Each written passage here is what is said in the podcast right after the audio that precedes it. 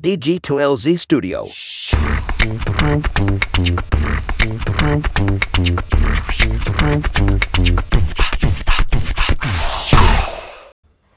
sekitar setahun yang lalu ya kalau nggak salah bulan-bulan September atau Oktober gitu saya sempat ditanya yang untuk jadi sebuah konten di Kiwi Live ya uh, akun Instagram kiwi.live uh, yaitu adalah sebenarnya itu akun untuk uh, HR-nya Kiwi gitu ya untuk bikin konten-konten untuk ke uh, internalan lah seperti itu.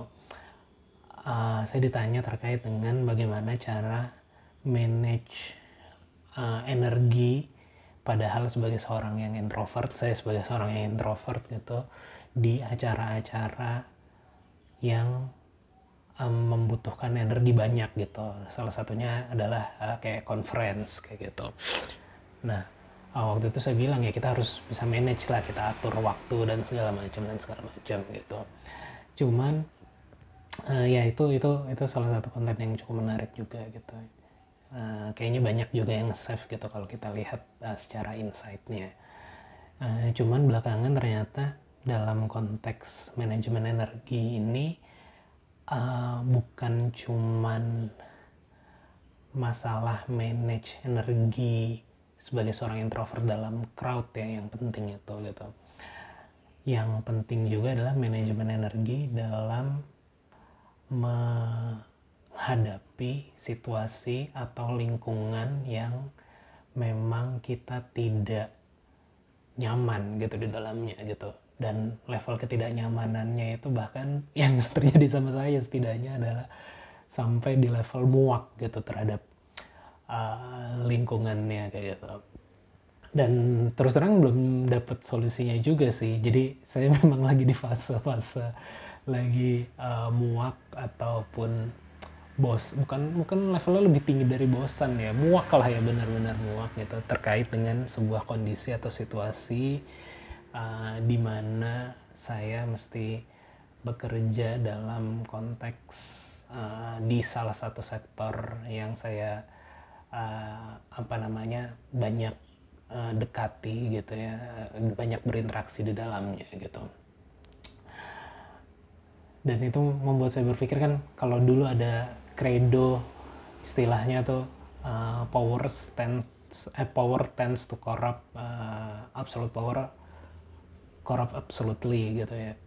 Cuman dalam konteks ini mungkin sebenarnya sekarang kan udah nggak ada absolute power ya tapi lebih ke istilahnya mungkin distribute power ya. Kayak kemarin saya ngomong sama beberapa hari yang lalu saya ngomong sama istri saya kayaknya bukan cuman absolute power corrupt absolutely gitu tapi juga distribute power korup distributely gitu. Malah jadi merata gitu ya. Ini ini as a joke saja sih sebenarnya tapi cuman cuman uh, itu adalah clue-clue salah satu yang membuat belakangan ini saya lagi muak dalam menghadapi situasi-situasi seperti itu. Uh, balik lagi bersama saya di podcast ngobrol bisnis versi monolog. Uh, sekarang persisnya tanggal 17 Desember uh, tahun 2023 uh, jam 15.58 ya hari Minggu abis-abis asar gitulah waktunya. Um, udah lama nggak update gitu, jadi kita update aja si podcast ini gitu. Karena memang akhir tahun nih lagi bener-bener apa ya benar-benar kehantem sana sini gitu ya maksudnya uh, pekerjaan kesibukan terus juga runtutan ngejar target dan runtutan mengambil peluang uh, yang lagi um, seru-serunya gitu. Ya tapi tadi ya adalah karena mungkin uh, overwork gitu. Bukan overwork juga sih. Karena karena belakangan ini saya nonton video dari ada sebuah video gitu di Instagram. Kayaknya saya save atau saya like doang ya di di, di Instagram. Itu video dari Sam Altman gitu ya sekarang beliau adalah eh nggak tahu udah balik lagi atau belum ya? Dia CEO-nya uh, OpenAI ya ChatGPT terus ya grupnya lah gitu. Cuman kan belakangan berapa minggu yang lalu tuh beberapa bulan yang lalu sempat dikeluarkan uh, gitu dipecat ya. Nggak tahu gosipnya sih udah balik lagi atau apa. Ya pokoknya dia lah yang ngomong. Dan sebelumnya beliau juga adalah seorang uh, investor dan pebisnis kayak gitu gitu saya nonton sebuah video dari dia di Instagram itu yang bilang bahwa uh, stres itu atau misalnya bukan stres ya burnout lah ya mungkin istilah yang lebih tepatnya. Burnout itu sebenarnya bukan karena kita overwork gitu. Dan kayaknya saya yakin juga ya terhadap itu ya bahwa kita burnout atau kita kelelahan dalam bekerja itu atau stres dalam bekerja itu bukan karena bekerja terlalu banyak gitu. Tapi kalau kata dia justru karena kita bekerja tapi tidak works gitu apa has tidak ada hasilnya gitu. Jadi apa yang kita kerjakan tuh tidak tidak menghasilkan sesuatu gitu. Dan itu yang bikin burnout justru. Jadi bukan kuantitas pekerjaannya sebenarnya. Kuantitasnya begini banyak gitu uh, tapi tidak menghasilkan sesuatu itu yang kelihatannya uh, akan membuat orang jadi burnout atau jadi stres gitu makanya banyak banget kejadian kalau uh, kejadian yang kita lihat gitu ya sehari-hari atau saya lihat juga gitu atau saya lakukan juga gitu. Kita tuh energinya tuh banyak banget gitu energinya banyak banget bekerjanya banyak banget gitu tapi tidak capek-capek gitu. Karena biasanya itu hal yang kita suka atau sebenarnya uh, di luar hal yang kita suka itu adalah itu menghasilkan sesuatu yang bermakna buat kita gitu. Kalau yang kita suka ya jelas aja maknanya ada fulfilling pribadi gitu. Tapi kalau ke hal yang tidak spesifik yang kita suka tapi karena ada resultnya kayak gitu. Nah kayaknya kayaknya itu itu itu penting sih dalam manajemen manajemen uh, manajemen tadi ya agar tidak stres atau agar tidak burnout atau mungkin buat nasihat buat saya pribadi juga agar tidak uh, muak gitu dalam bekerja. tapi tapi konteksnya agak sedikit berbeda sih. Ya, muaknya saya ini bukan ya, tapi mungkin juga ya ada ada unsur bahwa saya melakukan sesuatu ini nih tapi tidak uh, memberi result yang uh, something big gitu atau tidak memberi result yang berarti gitu terhadap situasi uh, yang lebih general dari saya pribadi gitu. Mungkin mungkin itu juga yang sedikit membuat saya melakukan tapi tapi mudah-mudahan ini nasihat buat saya sendiri juga ya. Karena kayaknya seminggu yang lalu gitu saya juga dapat email gitu. Saya kan langganan langganan nama namanya email newsletter gitu lah email newsletter. Uh, salah satu yang saya langganan tuh dari uh, sebuah website kalau nggak salah namanya tuh uh, four week MBA kayak gitu ya kalau nggak salah ya. Jadi uh, kayak empat minggu untuk belajar terkait dengan kayak MBA-an gitu Master of Business Administration gitu. Ya tapi itu udah lama banget langganannya cuman memang dia rutin ngasih email uh, uh, newsletter kayak gitu. Dan salah satu ada uh, salah satu newsletter baru-baru ini ya seminggu yang lalu itu adalah terkait dengan uh, distress dan uh, ada istilahnya selain distress tuh istilahnya EU stress ya tulisannya e, e, EU stress. Kalau distress tuh distress gitu ya DI stress. Nah sebenarnya ini katanya berbeda eh, stress yang berbeda gitu. Kalau distress ini adalah stress yang bikin buruk bikin kinerja atau burnout tadi mungkin ya bikin bikin uh, jadi tidak baik tapi justru eustress itu adalah uh, stres yang baik gitu. Stres yang membuat kita lebih produktif stres yang membuat kita lebih bekerja lebih tinggi gitu. Karena uh, mengoptimalkan potensi kita gitu. Karena kalau uh, kayaknya memang kita harus bekerja dalam tingkat stres tertentu untuk menghasilkan sesuatu yang baik kayak gitu. Jadi jadi ya bisa aja sebenarnya. Hmm, justru kalau dalam konteks saya ini justru kemuakan ini atau ke ke kesalahan ini gitu mungkin tetap harus dijaga pada level tertentu agar bisa menghasilkan performa yang baik ya kayaknya. Kayaknya mungkin seperti itu gitu.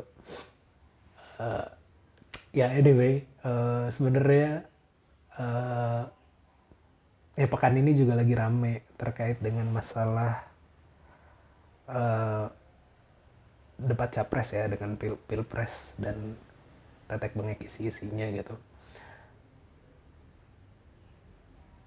Saya sendiri belum nonton gitu belum nonton full gitu karena pas lagi pas lagi debat capres itu siaran langsung saya kebetulan lagi kurang sehat gitu. Jadi agak sedikit istirahat gitu. Dua dua hari kemarin dua dua harian lagi bener-bener bed rest gitu. Jadi nggak sempet nonton cuman saya uh, dua tiga hari belakangan saya nonton apa cuplikan-cuplikannya doang gitu. Potongan-potongannya atau juga memes yang udah beredar gitu. Sebenarnya buat buat apa namanya menurut saya nonton debat capres itu penting penting juga gitu ya buat terutama buat orang-orang yang belum memiliki pilihan gitu ya. Karena kalau kalau yang udah memiliki pilihan mah pasti hanya untuk menguatkan pilihannya aja gitu atau bahkan untuk mendiskreditkan uh, yang non pilihannya gitu ya nonton debat capres tujuannya gitu. Tapi untuk orang-orang yang belum punya pilihan dan saya sendiri juga masih bimbang gitu ya uh, antara apa uh, eh tiga calon ini tiga pasang calon ini gitu. Sebenarnya seharusnya nonton sih uh, full. Cuman saya sendiri belum nonton secara full secara full um, videonya gitu. Baru potongan-potongan yang viralnya aja gitu. Um, ya dalam konteks pribadi dalam dan dalam konteks apa namanya kita sebagai bangsa Indonesia atau warga Indonesia yang punya idealisme itu kayaknya penting gitu. Tapi kalau untuk uh, bisnis gitu ya dalam konteks bisnis sebenarnya memilih presiden yang mana atau cawapres yang mana gitu capres dan cawapres yang mana.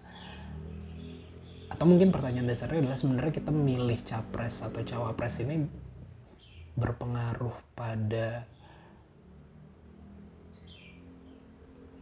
bisnis atau ekonomi ke depan nggak sih sebenarnya? Pilihan capres yang mana yang kita pilih ini sebenarnya ngaruh nggak sih?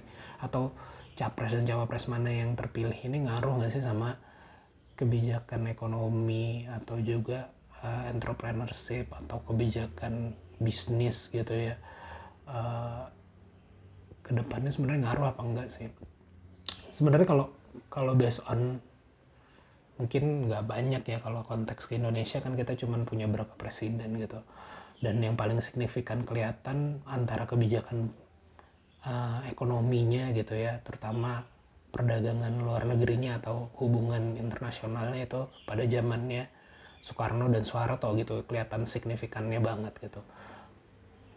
Dan itu artinya penting gitu kita memilih presiden yang mana uh, jika karena ternyata pemilihan presiden dan juga nanti timnya gitu ya itu bisa berpengaruh pada kebijakan ekonomi mana yang diambil gitu. Let's say pada zaman Soekarno kan kita betul-betul ibaratnya berusaha menjadi independen gitu ya atau mungkin walau kita di poros tengah tapi pada waktu kebijakannya Soeharto eh Soekarno itu kita agak lebih cenderung sebenarnya ke blok timur gitu ya sebenarnya dibanding blok barat jadi banyak mengadop ya ini ini uh, correct me if I'm wrong ya. Jadi hanya hanya sekedar analisa sekilas sekilas saja gitu. Makanya dan berdasarkan cerita-cerita juga ya dari orang tua dan segala macam gitu. Makanya agak sedikit sulit investasi sulit masuk dan lain-lain. Bisnis berkembangnya tidak terlalu uh, pesat gitu. Pembangunan tidak terlalu pesat gitu. Berkebalikan dengan eranya Soeharto terlepas dari uh, korupsi dan uh, um, keberlangsungan uh, masa kepemimpinan yang panjang ya uh, 32 tahun gitu. Tapi dia membuka keran investasi luar dan juga uh, membuat pembangunan di Indonesia bertumbuh dengan pesat seperti itu. Jadi jadi memang akan berpengaruh gitu presiden siapa yang kita pilih. Um, terkait dengan akan berpengaruh presiden mana yang kita pilih dengan ekonomi, dengan kebijakan atau strategi ekonomi dan bisnis Indonesia ke depannya. Terutama mungkin yang poin-poin tadi ya mungkin ada kaitannya sama kebijakan fiskal gitu ya, kebijakan moneter juga mungkin pengaruh atau juga mungkin yang tadi uh, skala internasional gitu itu akan akan berpengaruh gitu.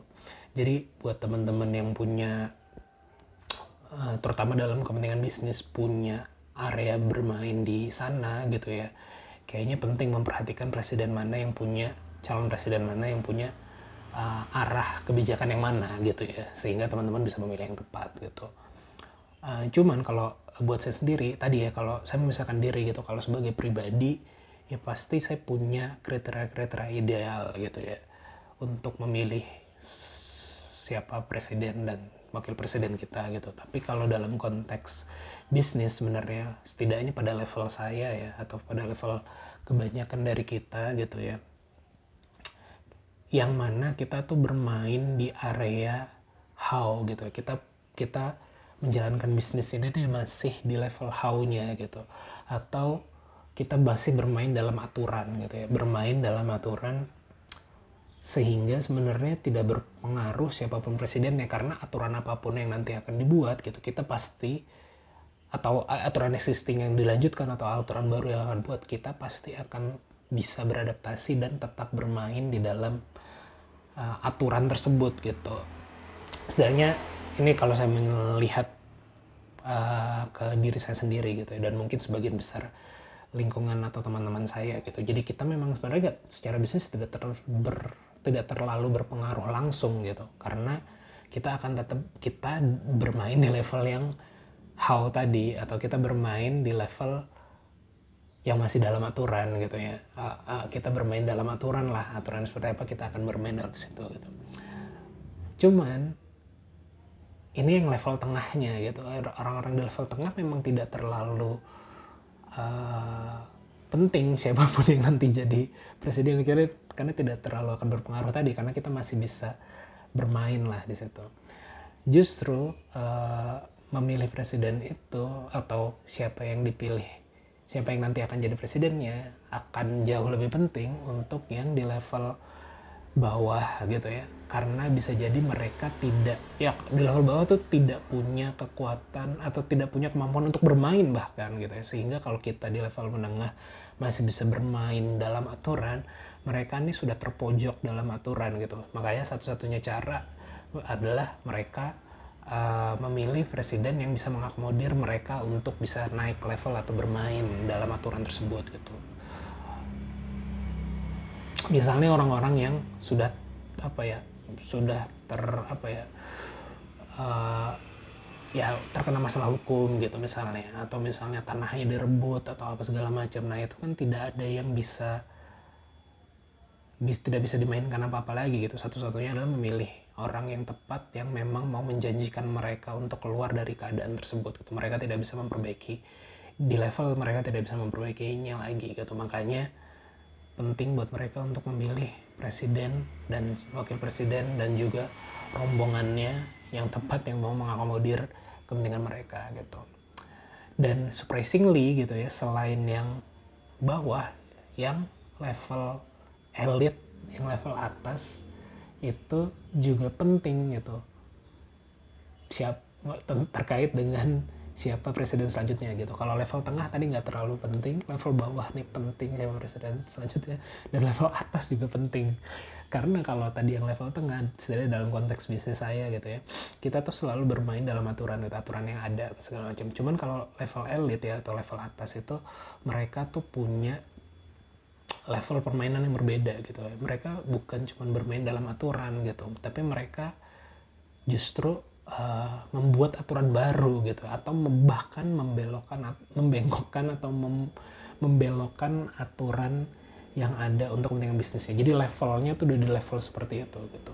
Makanya mereka penting banget untuk memastikan orang-orang yang bisa melakukan ini atau bisa mengakomodir mereka ini uh, urusan mereka dan kepentingan mereka ini untuk bisa menang di pemilu berikutnya kayak gitu. Untuk untuk terpilih di menjadi uh, pemimpin uh, Indonesia berikutnya gitu. Ini saya ngebahas ini bukan dalam konteks uh, apa namanya bukan dalam konteks konotat eh apa sih istilahnya tuh? Dalam konteks negatif ya sebenarnya ya. Jadi memang saya membahasnya dalam konteks apa adanya aja gitu. Tidak ada tendensi positif atau tendensi negatif terkait dengan um, leveling tadi itu dan juga um, hubungan antara bisnis dan politik ini gitu. Jadi hanya sekedar hanya sekedar uh, ini aja gitu. Tanpa ada tendensi lah sebenarnya. Tidak tanpa ada tendensi gitu bahwa apakah itu negatif apakah itu positif. Ya karena pun saya yakin jika teman-teman yang di level tengah ini juga ada main ke juga bisa sampai ke level atas atau level elitnya ini juga pasti akan mencoba memastikan hal yang seperti itu gitu. Karena kayaknya itu udah kodratnya aja gitu. Dan jadi saya jadi ingat itu saya jadi ingat. Ini agak lompat-lompat ya saya jadi ingat kayaknya dua eh semalam ya apa dua malam yang lalu tuh saya nonton sebuah film di Netflix judulnya kalau nggak salah tuh uh, Leave All Behind ya kalau nggak salah Leave All Behind gitu. Pokoknya yang main itu adalah uh, Julia Roberts ya. Ini film baru sih kalau nggak salah baru 2023 gitu. Nah di situ salah satu karakternya tuh bilang konspirasi teori itu adalah eh, konspirasi teori terkait dengan orang-orang segelintir orang mengendalikan dunia itu adalah pikiran orang-orang yang malas gitu. Karena aslinya tuh lebih mengerikan dari itu gitu.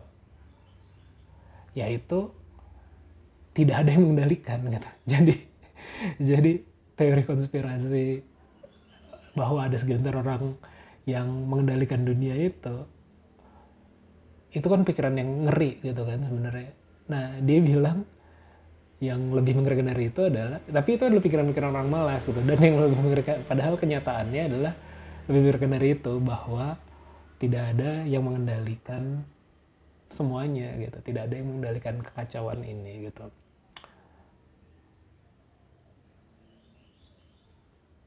Nah, jadi nah kalau sedikit mau berpikir eksperimental ya dan kita tambahi sedikit bumbu-bumbu science fiction gitu. Misalnya dalam konteks ketiga capres pasangan cawapres ini gitu ya, kita lihat ada capres-capres yang ini sorry jendela kebuka jadi suara motor masuk.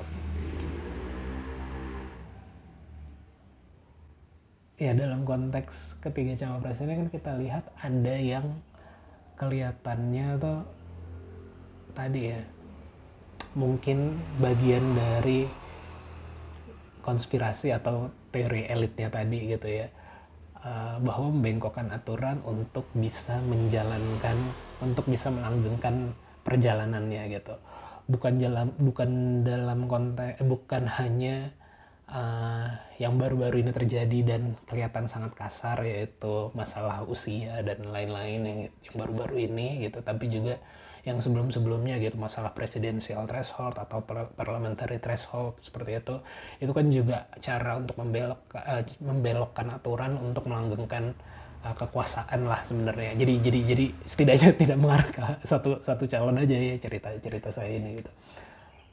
Uh, nah orang-orang ini ya uh, mereka ini yang membelokkan aturan ini untuk melanggengkan kekuasaan atau melanggengkan atau bukan melanggengkan kekuasaan ya.